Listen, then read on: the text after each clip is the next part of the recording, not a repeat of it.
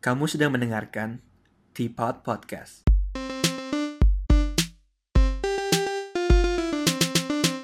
Hello, welcome back to Teapot. Baik lagi bersama gue, Fernaldi Sugianto, dan hari ini gue mau ngomongin soal film nih.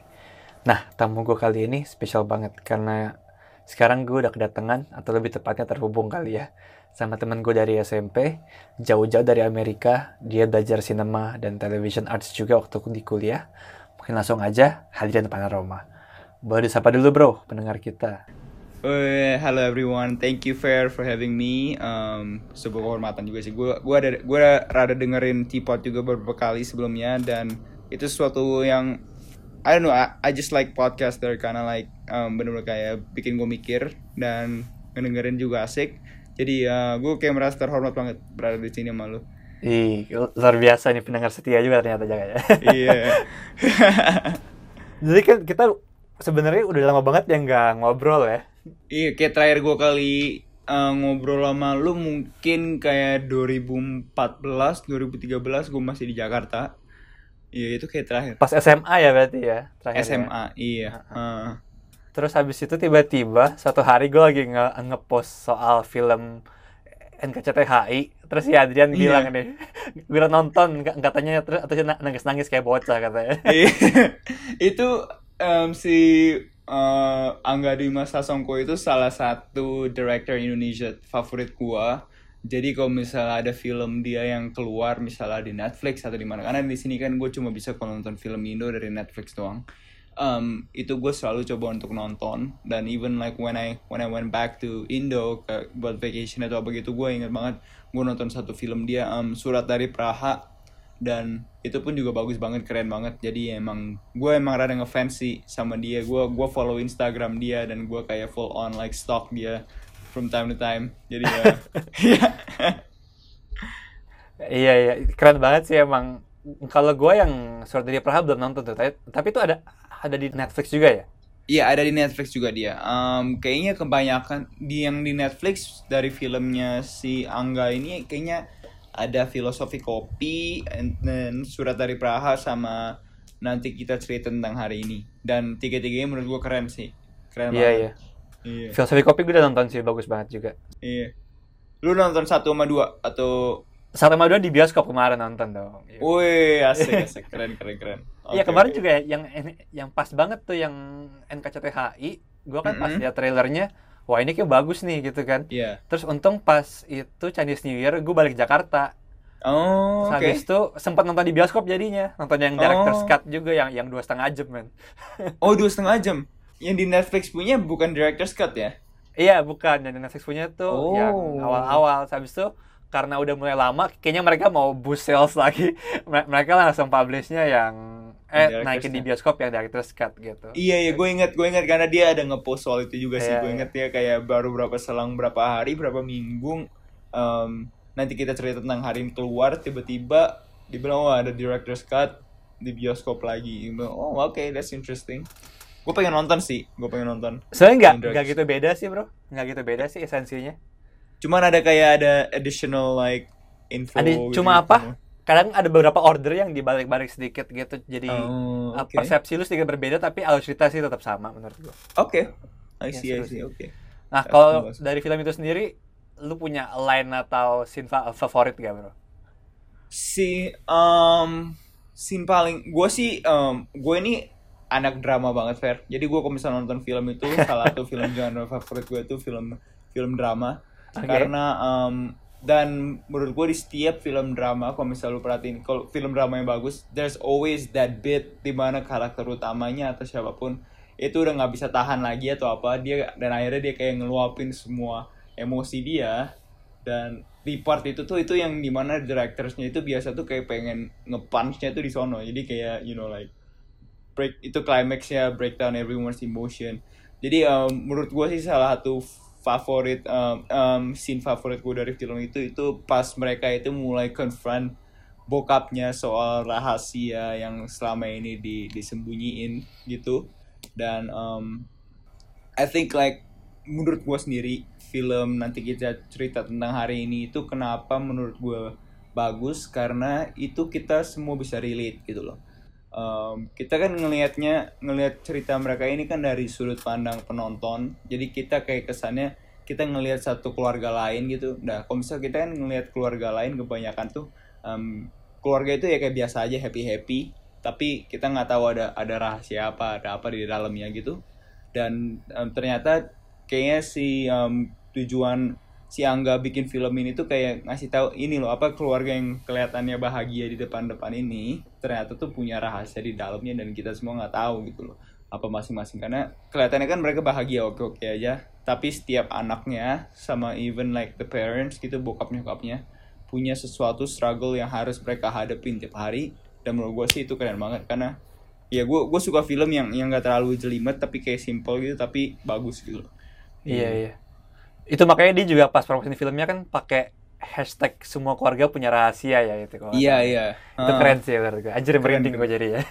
iya jadi itu kayak iya gue gue um, benar salut karena dia bisa ngambil seru- sebuah cerita yang lumayan simple gitu soal keluarga yang punya you know masalah masing-masing dan dia bisa bikin satu film yang yang keren banget sih menurut gue Iya itu menarik banget sih. Gue gue nggak sempat kepikiran ke arah sana. Gue cuma mikirnya kan, oh ya ini film dibikin supaya kita relate gitu. Ta- tapi dari point of view lu juga kita jadi bisa ngelihat bahwa keluarga yang kadang-kadang lu pikir sempurna tuh nggak tentu Iya. juga loh gitu. Jadi kita Iya, ngelihat ke uh-uh. dalam sama ngelihat keluar juga jadinya ya. Iya, Eh, karena iya, um, iya, iya. itu ya istilahnya so, seorang sutradara yang yang hebat dan yang dia kayak benar-benar punya impact sama audience itu dia kayak uh, menurut gua sih salah satu kekuatan mereka itu mereka tahu kayak jalan pola pikirnya penonton. Jadi itu yang mereka mau coba kayak grab gitu, um, gimana caranya supaya penonton bisa relate dengan kejadian yang terjadi di film itu dan um, makanya kadang-kadang di hal sesimpel kayak keluar cerita tentang um, cerita rahasia keluarga pun itu sutradaranya kalau misalnya dia mengerti audiensnya gimana dia bisa kayak grab apa oh ini ini ada makna di sini yang gue rasa gue punya audience bisa relate dan mereka bisa kayak relate back to their own family gitu jadi kayak you know like ciptain suatu kayak koneksi gitu in the end Iya iya iya. Itu yang di scene climax itu salah satu uh, line favorit gue juga sih. Ada yang pas si si angkasa ya dia dia ngomong ke bapaknya apa gimana mau ngajarin orang bahagia kalau Iya. sendiri nggak tahu gimana caranya bahagia. iya Wah itu gila sih. Iya, itu itu ya kayak you know like we can all relate to like that person gitu loh kayak misalnya kita di dalam you know like hidup kita up ada sesuatu yang mungkin kita harus kayak you know um, pendam di dalam diri karena you know like society and then like even like mungkin keluarga nge-expect kita untuk sesuatu yang lebih gitu kan. Kayak mungkin apa kan bokapnya kan nge-expect dia jadi jadi apa um, kayak example atau kayak lu yang harus bikin adik-adik lu ketawa dan senang terus. Tapi um, dia sendiri juga di dalam itu kayak struggle dan gua rasa di di satu titik di, di semua kehidupan orang tuh ada satu titik di mana orang itu udah kayak it's like the breaking point gitu. Dan ya I think like that's what like what was being captured di film itu jadi ya keren banget sih iya Iya. Terus gue gue juga sempat dengar itunya tuh. Dia uh, ada apa ya podcast kayaknya po- podcast jadi ngundang ngundang si Angga buat ngomongin NKCTHI. Terus ternyata dia tuh kayak ngungkapin banyak sadel-sadel di detail yang gua nggak awalnya nggak sadar gitu. Mm-mm. Terus tapi bagus banget. Terutama tuh yang di scene akhir katanya kalau sadar kan yang pas bapaknya duduk, sama si angkasa tuh. Mm-mm. Terus kayak instead of saying anything dia cuma nonjok si Iya. angkasa pelan-pelan di bahunya gitu kan. iya Terus katanya itu tuh sebenarnya katanya cara bapaknya bilang gue bangga sama lu dan gue Iya. cinta lu gitu kan.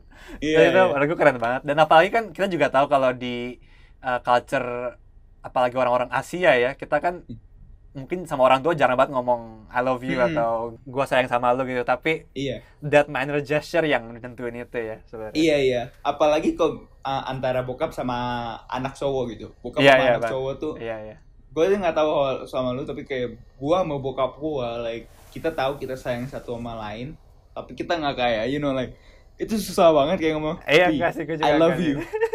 Pi, I love you itu susah banget kayak Iya, eh, iya. ada ada rasa kayak nggak nggak nyaman gitu kayak tapi kayak we know like deep down kayak kita we love each other tapi kita nggak mau kayak sampai nyampein gitu loh Iya, iya. Ya, itu keren banget sih. Ah, mungkin kita jangan terlalu banyak spoiler buat orang-orang yang lain kali Iya, ya. iya. Jadi, eh, kalau yang pengen nonton, kalian semua harus nonton film ini di Netflix kalau bisa sekarang juga abis kalian dengar podcast ini. Iya, iya. Ah, terus menariknya lagi itu kan ta- tadi kan gua, gua cerita sempat kemarin pulang cari sendiri nonton yang KCTHI kan. Hmm, hmm, hmm. Yang gua nggak sadar ternyata adalah ternyata film itu film terakhir yang gua nonton sebelum COVID, Bro. oh my gosh Jadi Iya, iya. sebelum COVID itu film terakhir yang gua nonton di bioskop, men. Kalau masih inget gak film terakhir yang nonton di bioskop apa? gue udah lupa Fer udah lama banget tapi sih itu dua eh, tiga atau empat bulan yang lalu ada kali ya Iya, udah 4 bulan lebih Iya, kayaknya. udah kalau- empat bulan lalu kayaknya. Eh. Kayaknya sih, kayaknya film terakhir yang gue nonton itu um, 1917. Lu udah nonton belum 1917? Belum tuh, itu yang menang Oscar kan ya, 1917 ya? Iya. Si, Si ya, dia Nolan, menang kayaknya. Nolan. Eh dia bukan Christopher Nolan, tapi dia kayak konsepnya mirip. Jadi kayak Oh. Christopher Nolan kan Dunkirk tuh, yang soal perang juga. Iya, tapi iya. ini juga sama-sama soal perang, cuman um, um, gue lupa nama nama sutradaranya, tapi dia um, menangnya gara-gara sinematografinya, um, Oscarnya iya. Banyak yang one shot gitu katanya ya.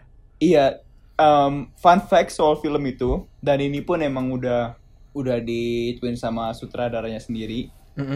Jadi film itu tuh nggak one shot sebenarnya. Filmnya itu tuh multiple shot, tapi dibikin se mereka tuh pinter nge-trick orang. Jadi ada beberapa Oh. adegan kayak di cut, cuman sama dia nggak ke kesannya kayak masih one shot gitu. Wah gila. Iya, jadi kalau jadi gue pas nonton karena gue udah tahu apa em, kamera itu mau sebagus apa pun itu nggak mungkin bisa fair apa tiga jam satu shot begitu. dan Iya bener mu- sih. Iya, kalau pemikirannya gini maksudnya tiap kali aktornya salah nih salah ngomong dia mesti ulang lagi dari awal kan nggak mungkin dong. Kan Bener, jadi, bener.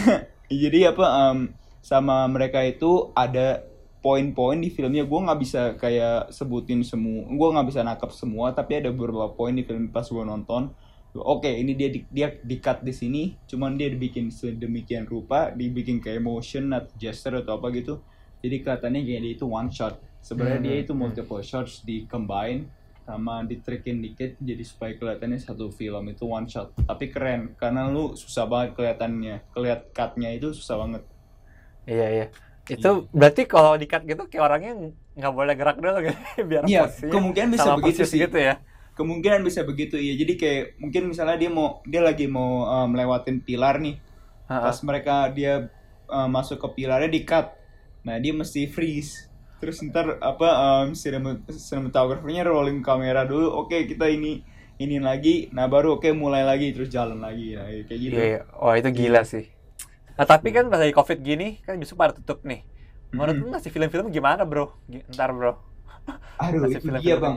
Gue gue baru ngobrol juga sama beberapa orang kemarin kayak ntar gue pemikiran gue sih gini jalannya kayak bioskop ini di future mereka bakal mesti benar-benar reserve seating sih jadi lu mesti kayak apa um, di dibatasin penontonnya tapi terus habis itu apa um, kayaknya pokoknya yang penting ada social distancing gitu juga Hmm. tapi um, ya kebanyakan film sih sekarang kan rilisnya di streaming kan. Oh iya, Tapi um, susahnya dari sono juga menurut gua sebagai penonton penonton juga dari rumah, gua tuh nggak mau beli film di misalnya di Amazon atau di mana gitu cuma buat gua nonton di rumah gitu. Ah, Kalau gua mau iya. keluarin duit, kan gua kan udah keluarin duit kan buat gua subscribe kayak Netflix, um, Disney gitu-gitu kan gua udah keluarin duit. Dan gua kalau misalnya, jadi gua tuh nggak mau keluarin duit ekstra buat nonton film gitu loh. Karena gua kan udah do my part in like gua nggak pernah ngebajak film. Gua nggak pernah ngebajak film lagi. Dulu gue sering banget ngebajak film, tapi gua nggak pernah Pastilah ngebajak ya, film. zaman ya. SMA tuh kalau misalnya lu bisa ngebajak film, bisa main-main torrent tuh keren banget. Jadi lu kesannya kayak keren di di, di mata orang-orang. Tapi untuk sekarang karena gue udah pelajarin juga apa em, sistem film itu gue nggak mau gue nggak mau gue nggak mau bajak lagi. Itu kayak merusak kode gue. Jadi ya tapi menurut gue sebagai penonton pribadi juga gue tuh nggak mau keluarin duit cuma buat nonton di rumah doang. Kalau misalnya gue mau keluarin duit tuh gue mau the whole experience nonton di bioskop dengan surround sound. Jadi kayak gue bener-bener pengen experience itu loh. Gue nggak mau bayar bayar mahal tuh bayar kayak duit cuma buat nonton di rumah doang gitu loh. Jadi kayaknya itu yang susahnya buat mereka sekarang. Tapi menurut gua um, even pas bioskop dibuka pun kayak mereka bakal tetapin terapin kayak oh um, like social distancing like reserve seating gitu-gitu segala macam sih Oh, sekarang belum buka tapi ya, sekarang belum buka. belum kalau di sini belum Kalau di Hongkong udah buka sih, tapi kayak mereka Oh. juga kapasitinya udah berkurang gitu. oh Sama kayaknya mereka sempat playin film lama lagi, so film baru jarang ada yang yang pada nggak mau rilis kan. oh iya iya betul betul betul Soalnya kan gara-gara katanya ya ya ya rugi lah ya kalau rilis sekarang nggak ada yang nonton ya. Iya iya iya. Jadi kalau kalau di Hong Kong itu jadi dia kayak um, kata lu bioskopnya udah buka dia ada ada kayak six feet distancing gitu-gitu nggak? Eh, jadi sekarang sih kan baru buka, gue belum ke Mm-mm. bioskop lagi sih. Tapi dulu se- sebelum ditutup nih, mereka Mm-mm. udah nerapin uh, social distancing itu. Jadi row kosong, row kosong, row kosong gitu. Oh oke oke. Ya, that's- ta- that's tapi good. katanya pa- pada bilang ya percuma kan kalau row sebelah lu juga dempet. Jadi katanya mestinya lebih ke diagonal. Nggak tahu ya gimana caranya, mungkin bikin Iya, iya. kotak-kotak gitu kan. iya Jadi- makanya mungkin kalau misalnya kapasitas satu bioskop itu bisa untuk 150 orang mungkin kali ini mereka mungkin cuma boleh 50 orang gitu kali ya. Iya Untuk bisa ngebatasin gitu. Tapi gila banget ya bro, perubahannya ya Iya. bro ya. Itu gue bilang sih bukan cuma film, semua itu semua ekonomi sih Wah iya. kacau men. Ya karena emang covid ini kan dia membuat lu nggak bisa terlalu keluar ke mana-mana gimana gitu kan. Mm-mm. apalagi em, film itu kan salah satu bentuk entertainment tuh. Dan di mana lu tuh kalau misalnya mau mau ngerasain entertainmentnya ya lu mesti keluar gitu. Susah juga kalau misalnya di rumah doang kan. Iya, ya ya kecuali lu tajir banget sampai rumah lu ada bioskop sendiri ya. oh ya oh ya itu sih enak banget kalau misalnya gitu tinggal bu tinggal apa main Netflix berasa kayak nonton di bioskop kan Iya benar. iya Ta- Tapi emang beda ya sih kayak kalau lu keluar ke bioskop tuh ada rasa yang seneng gak sih? Dulu gue Iya, seneng iya. ke bioskop sih. Walaupun di Iya. rumah misalnya ada home theater, keluar pasti seneng juga sih ke Iya. bioskop gitu. dulu gue di Indo tiap minggu men gue tiap minggu pasti nonton sama. film Aduh gila. mau film Sekarang- bagus nggak bagus gue mesti nonton gue nggak pernah nggak gue nggak pernah skip seminggu gue nggak nonton di bioskop gitu Iya iya. iya Oh ya, terus tadi lu kan ngomongin soal experience juga tuh ya buat nonton. iya Kan Mm. lagi sekarang gara-gara gini lagi banyak wa- wacana soal drive thru theater nih yang yang pakai Mm-mm. mobil ya di parkiran Mm-mm. gitu. Mm-mm. Kalau menurut lu gimana? Feelingnya beda banget kayak tetap ya? gue sih pernah pernah sekali em, nonton begitu kayak yang di drive kayak lu bawa mobil lu apa em, ada layar gede di depan lu nonton di sono gue jujur pribadi gue lebih prefer tetap nonton di bioskop. Karena gue suka aja karena kalau misalnya lu duduk di mobil tuh rasanya aneh. Nggak tau menurut gue sih. Iya Tapi rasanya aneh Fer. Karena kayak apa em, layarnya juga kayak la- apa suaranya cuma datang dari dari depan gitu. Sementara lu tuh kalau misalnya mau em, dengar suara tuh dari sekeliling juga gitu kan. Jadi kayak em, kalau misalnya dari sekeliling tuh kayak lebih lu rasanya kayak lebih immerse gitu lu kayak naik wahana atau apa gitu Hmm, tapi kalau misalnya, iya Bener, tapi kalau misalnya satu satu layar doang kayak berasa kayak nonton di rumah cuma sekarang lu nontonnya di mobil gitu Ya, kalau di bioskop kan kalau misalnya nggak di bioskop kurang all around you-nya ya. Iya iya kurang all around all around you gitu ya. you. Iya. Anjir kangen gue denger itu ya. Iya. Itu di mana-mana ada loh Fer. Gue pikir gue cu- cuma di Indo doang kan. Jadi gue pikir ah kalau misalnya kalau gue ke US gue gua nggak bakal pernah lihat itu lagi. Ternyata pas gue lagi nonton di US ketemu lagi all around you. Iya itu. Tapi itu memang mantep sih. Itu yang bikin Iya. experience-nya lebih immerse kalau kata lu ya. Iya, iya, iya. Karena kan em, ada satu ini kayak fun fact aja sih. Ini sa- salah satu yang di diajarin sama gue punya kayak profesor gitu dulu banget. Dia bilang kalau misal which is like menurut gue sampai sehari ini kayak masih blow my mind. Jadi katanya ada ada sesuatu yang dibilang namanya pas lu lagi nonton itu, lu itu kayak matiin lu punya sense of reality. Karena kan pas lu masuk bioskop, lu tuh harusnya tuh lu tahu di di bawah sadar lu tuh tahu yang lu nonton ini di depan lu ini itu tuh apa dimainin sama aktor terus habis itu dia apa um, disutradarain sama seseorang dan ke- mereka juga dapat duitnya banyak terus habis itu iya kan? Iya. tapi mereka bukan orang bukan karakter asli mungkin kalau misalnya based on true story ya mungkin tapi ini kan di act out. Terus ini tuh lu dimainin di sebuah layar putih kosong cuman di project aja pakai apa pakai mesin proyektor tapi itu bisa cukup untuk bikin lu kalau misalnya nonton film horor lu ketakutan. Kalau misalnya nonton film drama kayak gua lu nangis kayak bocah. Atau enggak kalau misalnya lu nonton film action lu tegang gitu jadi istilahnya lu masuk kalau misalnya emang lu enjoy filmnya lu matiin sense of reality lu yang di otak lu itu dan lu kayak immerse gitu. Tapi kalau misalnya lu lu pernah nggak sih nonton film yang jelek banget? Dan lu nonton kayak istilah itu setiap gerakan yang orang setiap kesalahan yang aktor itu atau sutradaranya lakukan lu tuh sadar. Dan lu tuh bilang ini film jelek banget. Gua nggak gua nggak mau gua nggak mau di sini. Gua pengen keluar dari bioskop ini karena film ini jelek banget itu Kayaknya artinya film eh pernah pernah kayak film yang terjelek yang pernah gue nonton yang yang gue inget sih film Mi- Minions kayak bro.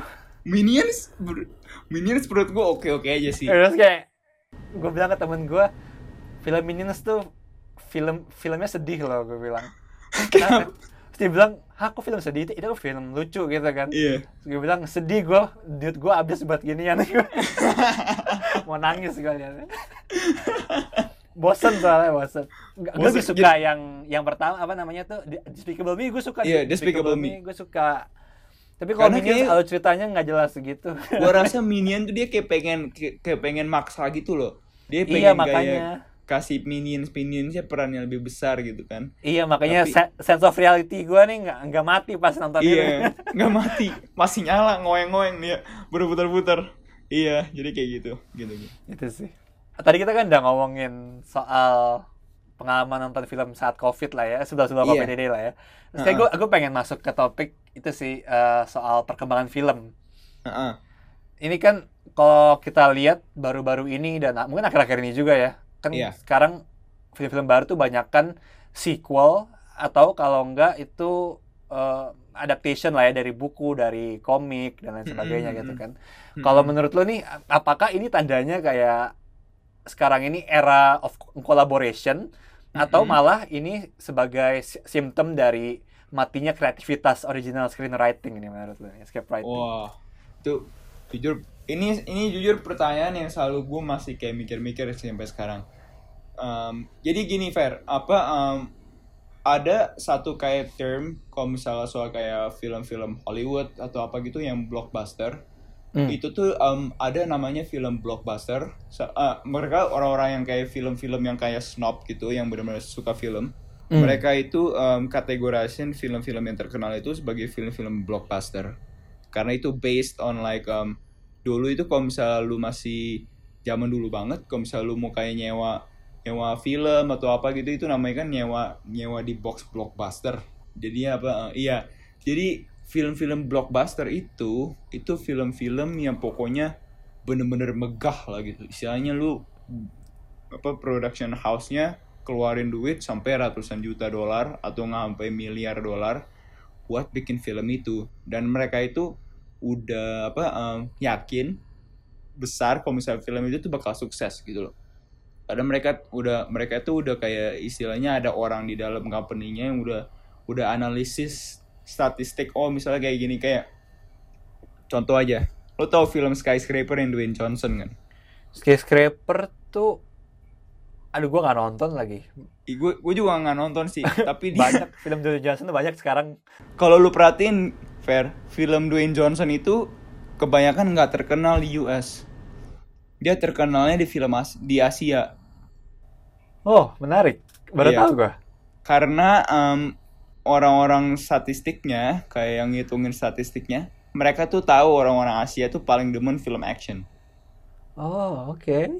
Orang-orang Asia itu lebih demen film action kebandingan orang US dan mereka tahu apa em, pengeluaran orang-orang di Asia untuk nonton film bos- bio- di bioskop itu jauh lebih besar daripada film-film daripada orang-orang yang nonton di US.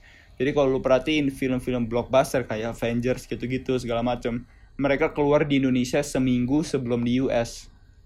Padahal di US itu, padahal mereka bikinnya kan di US.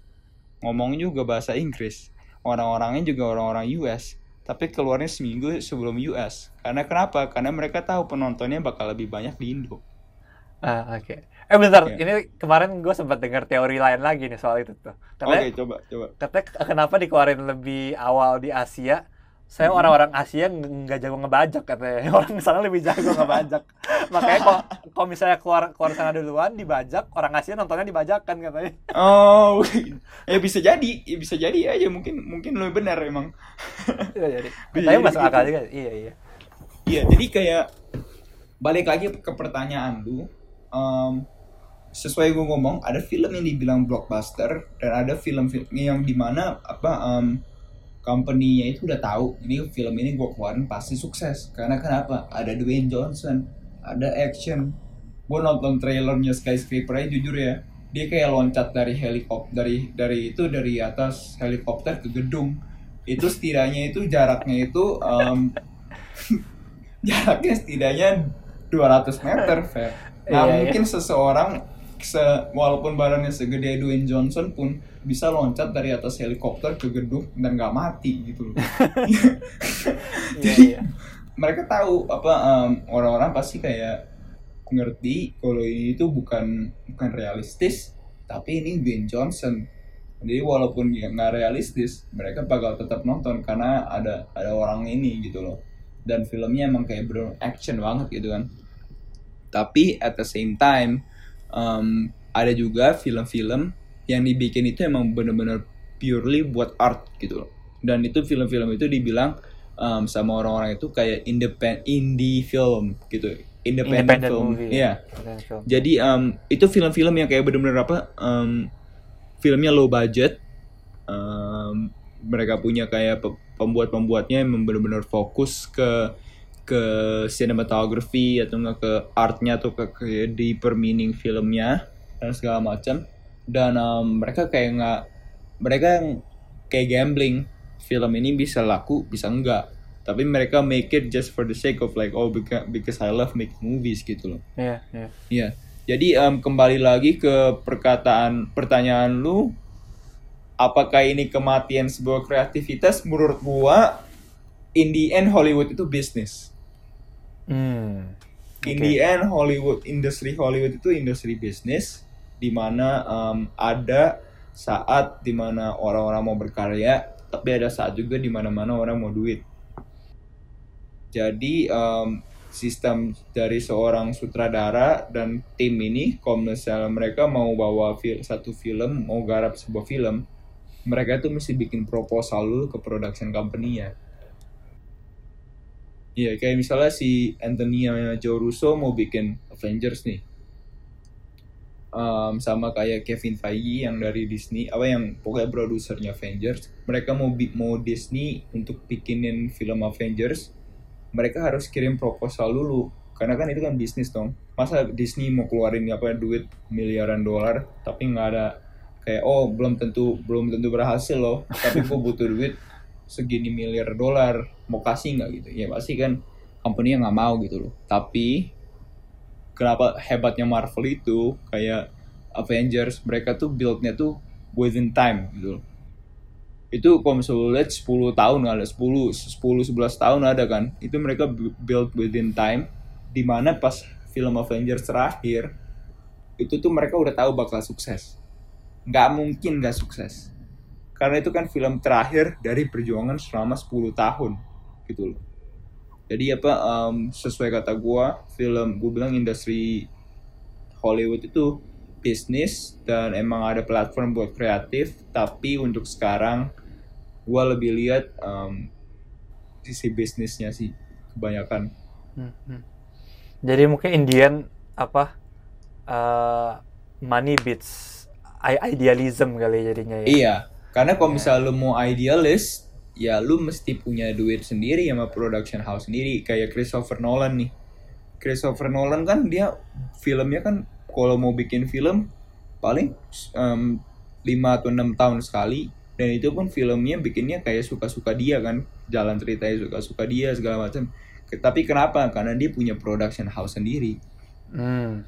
dia Iya, punya production house sendiri yang dia bisa keluarin sesuka hati dia jadi untuk lu buat menjadi seorang idealis dan lu untuk keluarin itu yaitu um, kemungkin chance terbesar lu ya lu mesti punya duitnya Saya punya namanya berarti ya. Kan Christopher Nolan mau bikin Iya. apa aja orang pasti nonton juga akhirnya. iya iya sama masih ada namanya tapi untuk pertama dulu si Christopher Nolan dulu mau bikin film pertama banget dia yang orang-orang nggak nggak kenal Uh, namanya Memento tuh Iya, iya. dia kayak bener dia dia kayak bener-bener kayak bikin you know like um, mungkin dia kayak garap duit sendiri filmnya low budget tapi dari itu dia build gitu loh even um, satu-satu gue gak tau ya gue baca trivia dari mana tapi um, dia bilang dia no, um, bikin Inception eh dia bikin Inception itu duitnya diambil dari bikin-bikin film Batman dulu Oh Jadi- oh iya iya iya. Iya, dia Dark jadi Knight, ambil ya. film Batman sama film The Dark Knight itu karena dia mau bikin Inception. Dia mau dia mau ambil duitnya buat bikin Inception karena Inception kan bener-bener itu kalau misalnya lu lihat kualitinya kan apa lu Gila gedung sih. dibalik-balikin, Iya, iya. ledakan di mana-mana itu mahal. Iya iya. Iya. Special effects-nya gila sih. Iya. Iya, ber- berarti jangan-jangan mainstream itu jadi fase ya. Berarti dari indie mainstream, Mhm. nah habis itu lu bisa ideal dia setelah itu ya. Bisa jadi karena um, gue udah melihat kayak dan kita pelajarin juga di sekolah apa um, fase-fasenya film-film di Hollywood gitu. Ah, Kalau misal lu lihat itu fase di mana film Hollywood itu bener-bener full of idealist itu tahun 70 sampai awal 90-an. Jadi lu lihat film-film kayak The Godfather. Lu lihat film-film kayak Star Wars. Lu lihat film-film kayak uh, Back to the Future. Itu kan keluarnya either 70 to the 90s kan. Jadi itu sistem di mana ini nih kayak istilah orang-orang kayak oh kita nih rebels gitu kita mau bikin film yang keluar dari genre-nya Hollywood dan kita bakal buktiin itu sukses gitu loh nah itu tuh di fase itu makanya lu bisa lihat kebanyakan orang-orang kalau misalnya lu nanya film orang-orang yang benar-benar cinta film gitu uh, hardcore fan lu tanya mereka film favorit lu apa? Kemungkinan terbesar mereka bakal ngomong tuh film-filmnya antara period waktu itu dari 70s to the 90s pasti Ah, itu kayak see, I see. iya kebanyakan.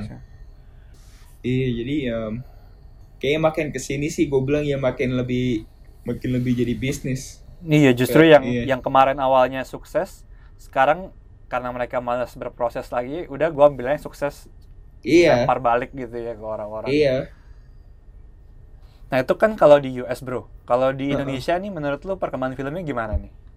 Menurut gue sih gue sih sekarang gue jujur gue lagi seneng banget sama film-film Indonesia Iya, gue juga karena sih. karena terakhir kali gue nonton film Indonesia menurut gue yang apa dulu uh, pas gue masih di Indo satu-satunya film Indonesia yang gue berani nonton itu filmnya Raditya Dika ah, iya. Iya. karena gue udah tahu pasti menghibur dan gak bakal seburuk film-film yang kayak apa um, suster perawan lah atau itu apa itu yang ditonton itu. su- suster keramas yang keluarnya cuma di bioskop-bioskop yang nontonnya harganya 15.000 ribu bro iya, iya, iya, I know, I know, I know. itu gue jadi dulu ada padahal kalau misal lu lihat sejarah-sejarahnya film-film Indonesia dulu pas sebelum apa sebelum zaman-zaman film horor-horor kayak apa um, horor-horor mesum ini keluar Fair. dia tuh sebelumnya tuh bagus loh film-filmnya loh. Dulu yang dulu. Kayak apa yang tahun-tahun um, zaman-zaman bokap nyokap kita tuh film-film Indonesia tuh bagus gitu loh. Terus habis itu ada period waktu di mana pas kita masih SMP atau SMA gitu film-filmnya itu nggak jelas keluarnya yang apa um, suster keramas atau nggak ya gue gue nonton gue dengar judulnya dulu suster keramas. Ya iya suster emang nggak boleh keramas. Kenapa jadi kenapa jadi film horor suster keramas kan? Terus apa um, jadi pemikiran gue itu sekarang gue ini nggak tahu ini teori gue ya. Hmm. tapi film Indonesia itu mulai kayak naik mulai apa eh, menjadi jauh lebih bagus setelah era Jokowi menurut gua Oh, iya, iya. itu Tahun itu berapa tuh? 2014 hasil ya? hasil pantauan gua iya dari mulai era Jok Pak Jokowi dia mulai naik gitu loh Hmm. nggak tahu itu hasil pantauan gue doang atau emang banyak yang setuju tapi em, ya menurut gue sih itu karena menurut gue Pak Jokowi itu orangnya idealis dia jadi kayak bener-bener kayak apa em, kasih orang kebebasan untuk berkarya gitu loh dan dia kayak bener-bener mensupport orang-orang yang berkarya gitu Tapi Jadi emang sebelum-sebelumnya enggak emang.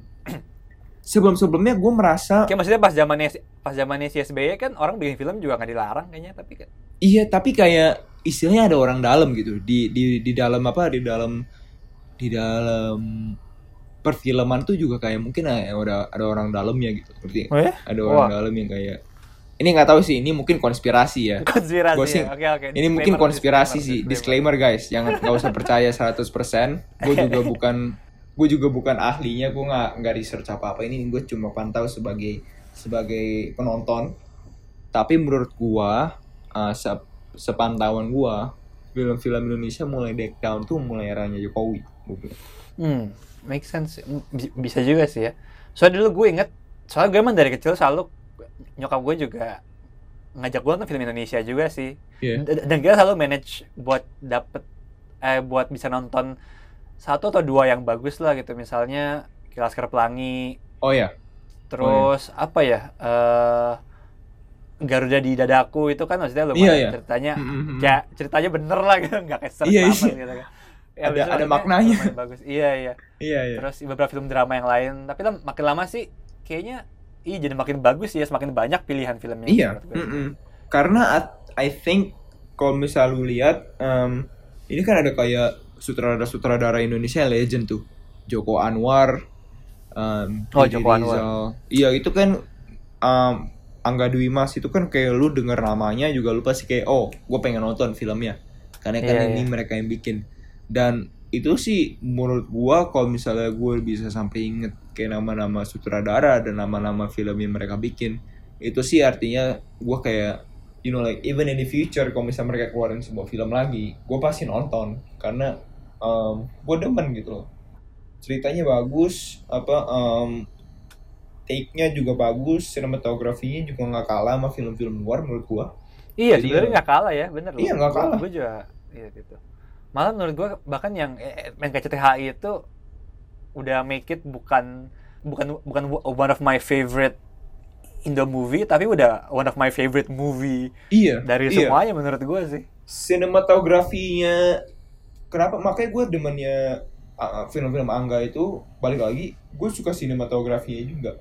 Karena dia kayak karena mungkin dia bekerja sama sama satu sinematografer yang kayak bener-bener apa um, kepercayaan dia dari dulu karena kalau misalnya lu perhatiin stylistik film-film dia tuh mirip gitu Hmm. mirip-mirip dari dari apa dari surat dari Praha filosofi kopi sampai ke NKCTHI ini em, dia style sinematografinya mirip dan menurut gua sih keren banget gitu loh Mhm. mulai dari lightingnya dari pengambilan kameranya gitu-gitu segala macam itu sih keren menurut gua Iya, iya. Iya sih, dengan tapi kan kita kan ngeliat sekarang udah mulai berkembang nih, udah mulai bagus lah ya. Terus kemarin gua se- sempet bukan gua doang sih, semua orang mungkin shock pas lihat Parasite menang Oscar gitu kan. oh iya iya Eh, kan Parasite bikin film pakai bahasa mereka sendiri bisa menang Oscar. Terus Iya. gua gua assume juga padahal sebelum Parasite ini banyak film Korea yang bagus juga kan mestinya ya. iya heeh. Nah, tapi kalau lu lihat nih dari kacamata yang lu belajar nih, apa yang beda dari Parasite dan apa yang bisa buat mereka menang dari semua film bagus-bagus ini di Korea gitu. Iya, karena menurut gua apa daya tarik film Parasite? Em, jujur banyak orang yang apa yang yang ngatain gua apa ah lu mah masa nggak usah tahu soal film film snob itu karena gue bilang sama mereka Parasite itu filmnya bagus tapi menurut gua nggak bagus banget gitu loh Iya, maksud gue banyak yang banyak juga film yang bagus gitu kan di Iya, Korea. karena- gitu. ada film-film yang gua pernah nonton dulu yang mungkin kalian nggak yang mungkin orang-orang nggak pernah dengar dan menurut gue itu itu lebih bagus dari Parasite cuman mereka nggak dapat exposure-nya gitu loh. Hmm, hmm. Iya, tapi menurut gue film Parasite itu kenapa dia bag, kenapa dia bisa itu apa em, benar-benar sampai dapat ke Oscar itu karena gue bilang sih dia em, jalan ceritanya unik dan dia kayak membahas sebuah isu yang mungkin saat itu sedang lagi di di apa em, dipeributkan gitu loh. Soal apa em, socio-economic status kan. Soal Iya, sosio- kelas socio-ekonomis. Tapi kalau misalnya lu perhatiin siapa em, sutradaranya namanya Jung Jong Bun Ho atau Bun Jong aku lupa nama sutradaranya.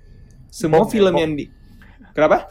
Bong bukan namanya Bong ya? Salah ya? Iya kalau nggak salah ya, gue lupa. Tapi em, semua film yang dia pernah produce sebelumnya, itu gue eh semua film yang pernah dia keluarin sebelumnya, itu gue nonton udah ada kayak tiga atau empat atau lima film ini dia bikin sebelumnya. Itu konsepnya sama so- soal socio-economic status.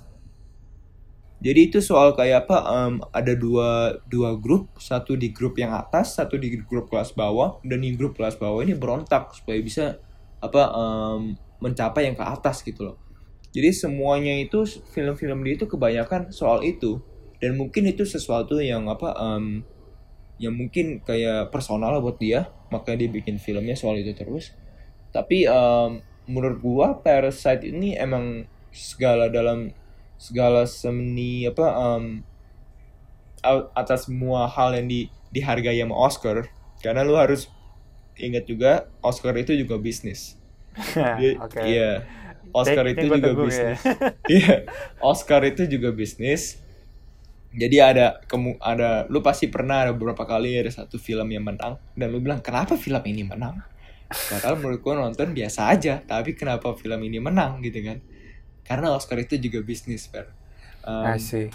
dan Parasite ini kenapa dia menurut gua kenapa dia itu karena semua aspek yang dihargai sama Oscar itu mereka ambil mereka dapat gitu loh Hmm.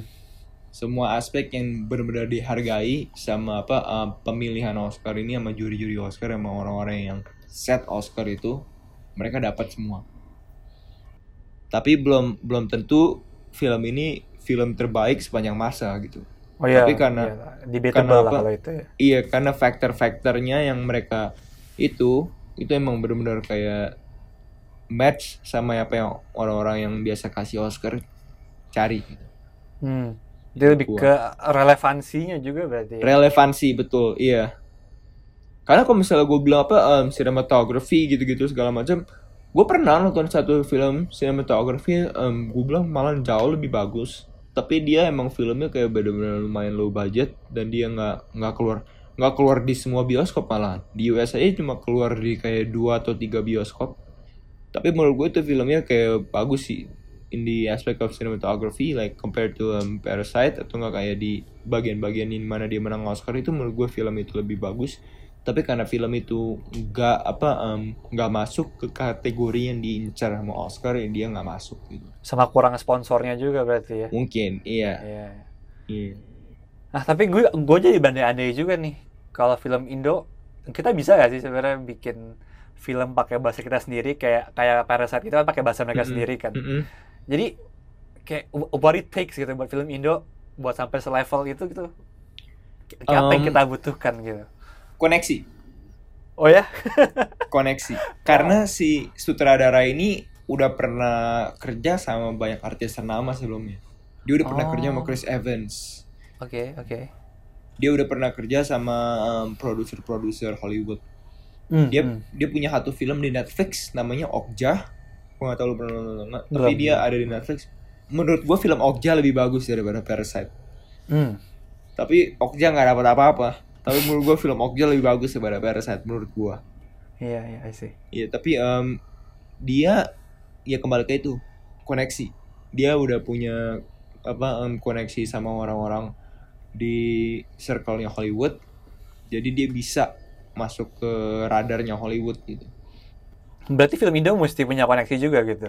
film Mesti masih sama- punya koneksi dan menurut gua film Indo udah lumayan apa orang-orang Indo udah lumayan kayak nge-reach koneksinya tapi untuk sekarang film-film Indo itu selalu diasosiasiin dengan action karena kenapa orang-orang yang yang Ah, menembus ya. Hollywood itu kan orang kayak Iko Uwais, Joe Iya, iya. Taslim itu kan mereka kan terkenalnya karena karena mereka jago bela diri jago film-film action dan mungkin saat ini orang-orang film-film Indonesia itu masih diasosiasiin dengan orang-orang yang jago pencak silat atau nggak kayak bela diri.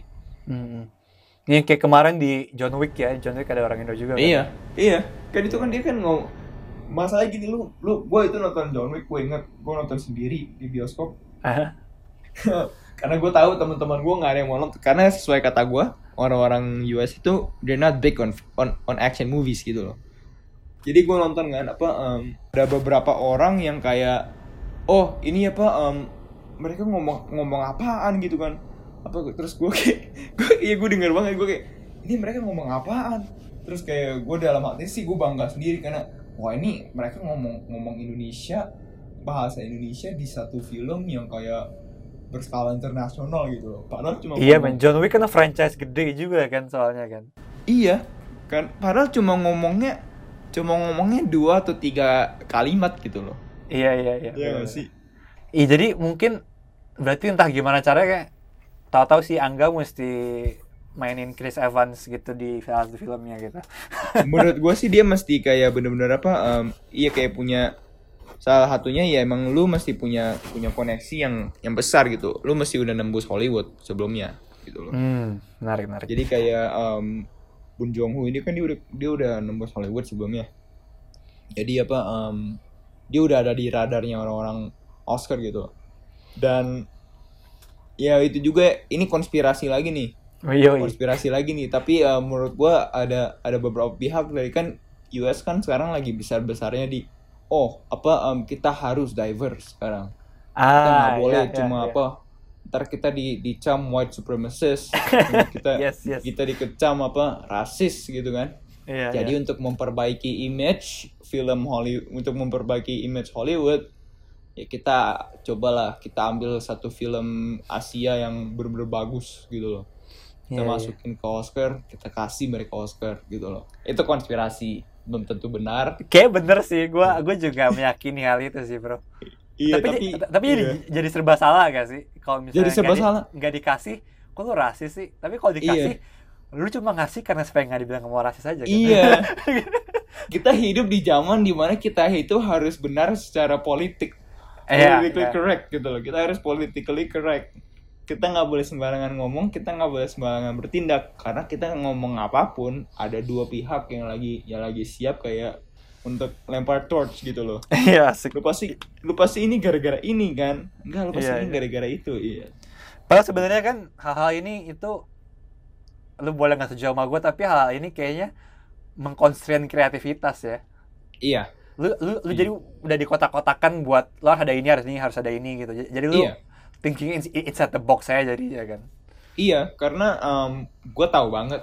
Gue kalau misalnya nonton nonton film gitu, gue tahu banget film-film yang bener-bener mereka bikin tuh buat dapat Oscar. Gue tahu. Hmm. Kayak iya, film-film kayak kayak aktor-aktor sama itu yang gue tahu banget mereka nge-act kayak gini sedemikian rupa tuh buat, buat dapat Oscar.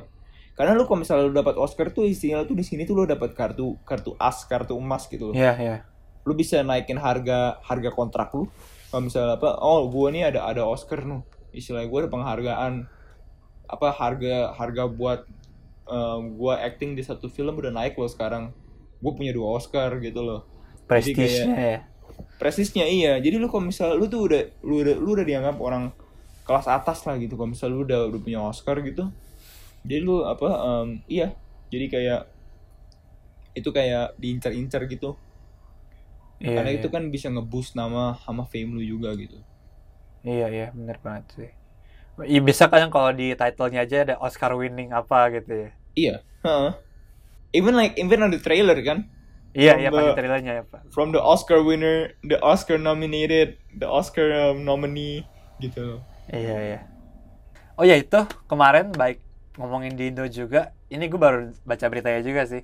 Kemarin kan ada berita di Indo itu kalau Netflix kerjasama sama Kemendikbud, Kementerian Pendidikan dan dan Budaya katanya mereka mau nayangin beberapa do- dokumenter di TVRI Heeh. buat apa ya? Buat mendukung sort of belajar di rumah lah gitu biar anak-anak nontonnya pengen lebih berkualitas gitu. Kalau menurut lu gimana? Itu kerjasamanya oke apa yang ya kayaknya biasa aja gitu terlalu dibesar-besarkan gitu.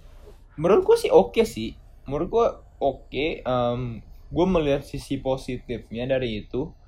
Tapi em, kembali lagi ke ke Netflix sama apa em, pihak dari pemerintahan Indonesia juga kalau misalnya mereka bisa bisa bergabung untuk membuat sebuah konten yang bagus ya sebuah konten yang bagus dan dan apa kayak um, kalau misalnya mau bikin kayak karena Netflix kan emang mereka jago dibikin dokumentari kan. Kalau misalnya lihat kayak film-film dokumentari mereka tuh bagus gitu loh. Dan apa um, mereka itu kayak mungkin jadi mereka jadi suara orang-orang apa um, yang yang nggak terlalu apa yang belum bisa nembus Hollywood mereka jadi suara-suaranya orang-orang yang mau make it tapi gak bisa make it gitu loh Ah Jadi iya kayak- iya. iya kan Stepping Jadi stone apa- lah jadinya. iya stepping stone gitu tapi ya menurut gue sih menurut gue sih oke selama mereka bisa me- membuat um, sesuatu yang bagus dan edukatif juga gitu Hmm, hmm. Ya katanya soal banyak yang bilang katanya ngapain dari Netflix kan banyak juga film creator di Indonesia kenapa kita harus pakai orang luar sih antek-antek Oh, asing iya, lah iya. segalanya. betul betul betul ya kalau kalau menurut gue sih kalau misalnya mereka mau pakai director asing atau apa boleh tapi mungkin ambil beberapa orang juga dari Indonesia supaya orang-orang Indonesia bisa mungkin bisa belajar Ah dari iya. director ini juga gitu loh Iya kayak kayak jadiin ini sebagai itu doang ya apa?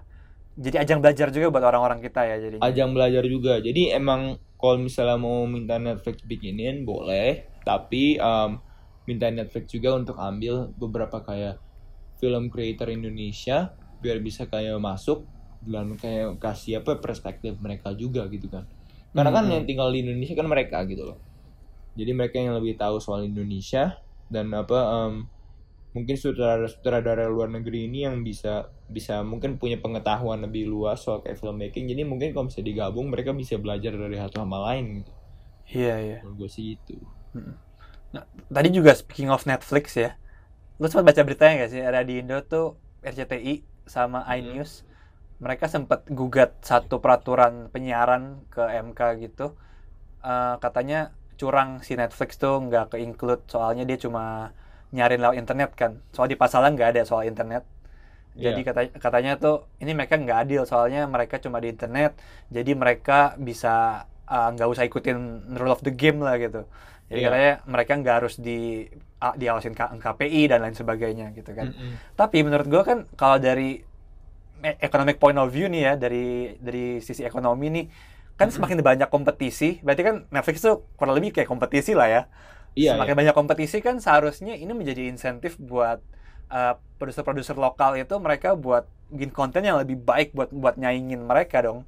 Dan Iya, iya. dan ini juga bikin yang produser-produser yang asal-asalan yaudah hilang aja lu nggak usah main di sini lagi berarti gitu kan. iya iya Nah, eh, tapi orang banyak juga orang yang bilang katanya lo tapi nggak bisa gitu soalnya orang-orang kita belum siap buat kompetisi sama mereka. Jadi kalau misalnya lo masukin orang-orang asing itu malah mem- mem- mematikan industri kita sendiri nih.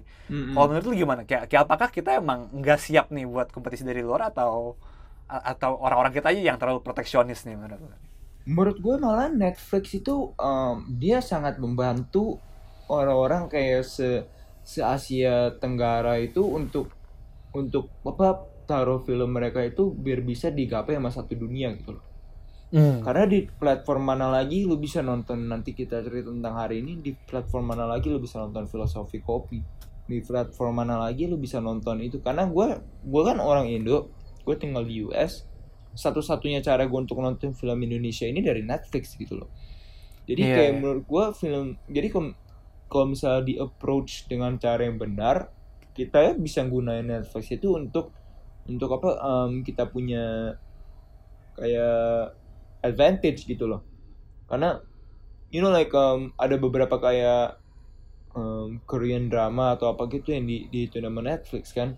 Jadi Iya, kalau iya. misalnya di diproduksi sama Netflix dan kalau misalnya lu punya lihat oh this is a Netflix original drama or something gitu kan itu kan kayak boost up kayak mereka punya nama gitu kan? Ya kalau misalnya di Indonesia bikin drama atau kayak bikin film yang Netflix original kalau misalnya mereka suatu hari bisa reach that kind of like agreement dan you know kayak deal gitu buat bikin sebuah Netflix original Indonesian movie or like or like show itu menurut gue bakal boost mereka banget gitu loh Wah, iya sih benar juga. Orang-orang luar jadi pas lihat oh ini Netflix punya jadi pengen nonton juga Iya. ya. Udah Karena- ada label credential itu ya jadinya ya. Iya, karena Netflix itu dia sekarang ini terkenal kenapa? Mereka setiap show yang mereka bikin biasanya itu laku. Iya, iya. biasanya ditonton sama banyak orang show-show yang mereka bikin gitu Hmm, hmm. dan kualitasnya juga kualitasnya terjaga gitu Iya, iya. Jadi mestinya itu hal baik lah ya. Jadi ini juga Harus. insentif kan ya orang-orang jadi pengen bikin lebih baik dong kan kompetisi ya Iya. jadinya. iya menurut gue sih lebih lebih baik malahan karena apa em, itu memberikan platform lebih untuk orang-orang untuk menonton film kita gitu karena sekarang kan film-film kita yang ada di Netflix juga terbatas nggak semuanya ada kan Terus juga di TV banyak yang aneh-aneh lah di TV. Iya. Mending mendingan mana lu film-film berkualitas lu keluar di Netflix atau film-film sinetron yang sekarang le- lebih sering keluar di TV gitu loh. Iya, iya. Iya. iya. Bener-bener sih. Jadi ketika kalau misalnya Netflix punya yang bagus, lu kalau mau stay in the game, lu bikin sinetron di TV juga lebih bagus mestinya. Gitu Iya. kan. Jadi Iya, betul. Orang jadi saling men- menopang lah ya jadinya ya. Iya, jadi kayak contoh lah apa kuali- film-film berkualitas yang bisa sampai ditaruh di Netflix gitu. Karena Hmm. kan kalau misalnya film-film berkualitas, kalau misalnya apa karya-karya anak bangsa yang bisa ditaruh di Netflix, itu kan nama mereka kan difilter dulu tuh. Gak mungkin Hmm. mereka apa nonton oh ini ini film apa filmnya nggak nggak bagus. Dari dari Asia Tenggara apa apa orang-orang US atau orang-orang mana juga nggak terlalu tahu kan. Kalau misalnya film yang nggak bagus mereka nggak mungkin taruh di Netflix gitu. Iya, iya. kalau misalnya film kayak apa stasiun-stasiun TV di Indonesia mau ngelihat itu sebagai sebuah ancaman mungkin mereka harus melihat itu juga sebagai sebuah kayak you know like a challenge gitu. Gimana caranya lu bisa bikin konten sebagus itu dan lu air di TV gitu Hmm, hmm, iya banget. Ini bro, gue kan masih mau ngomong lagi nih bro. T- Tapi udah udah mau sa- satu jam apa kita udah Iya, iya. dulu? Terus kita Iya, lanjut iya. ke episode berikutnya aja deh ya bro ya. ya boleh boleh boleh Ntar gue gue stop dulu di sini, ntar kita lanjut ke berikutnya lagi ya. oke oke oke Eh, yaudah, ini udah akhir dari podcast kita episode kali ini. Minggu depan bakal masih ada obrolan bareng Hadrian lagi. Dan jangan lupa follow podcast kita di tipe underscore podcast, di Spotify, di Instagram. Kalau kalau Hadrian di, di mana hat akun lu hat yang mau di share hat? Um, di Instagram gue aja, um, hat, hat panorama, at hat panorama. Um, gue nggak seberapa sering ngepost sih, tapi kayak gue beberapa kali gue gue nulis uh, ada beberapa kali nih kayak nulis blog soal kayak film-film favorit gue gitu. Uh, dan linknya ada di Instagram gue juga. Kalau misalnya kalian tertarik untuk no, udah kayak ngelihat baca-baca gitu, um, ya. Tapi um, Ya baik segitu dulu aja. Eh, thank you banget buat Hadrian di episode ini.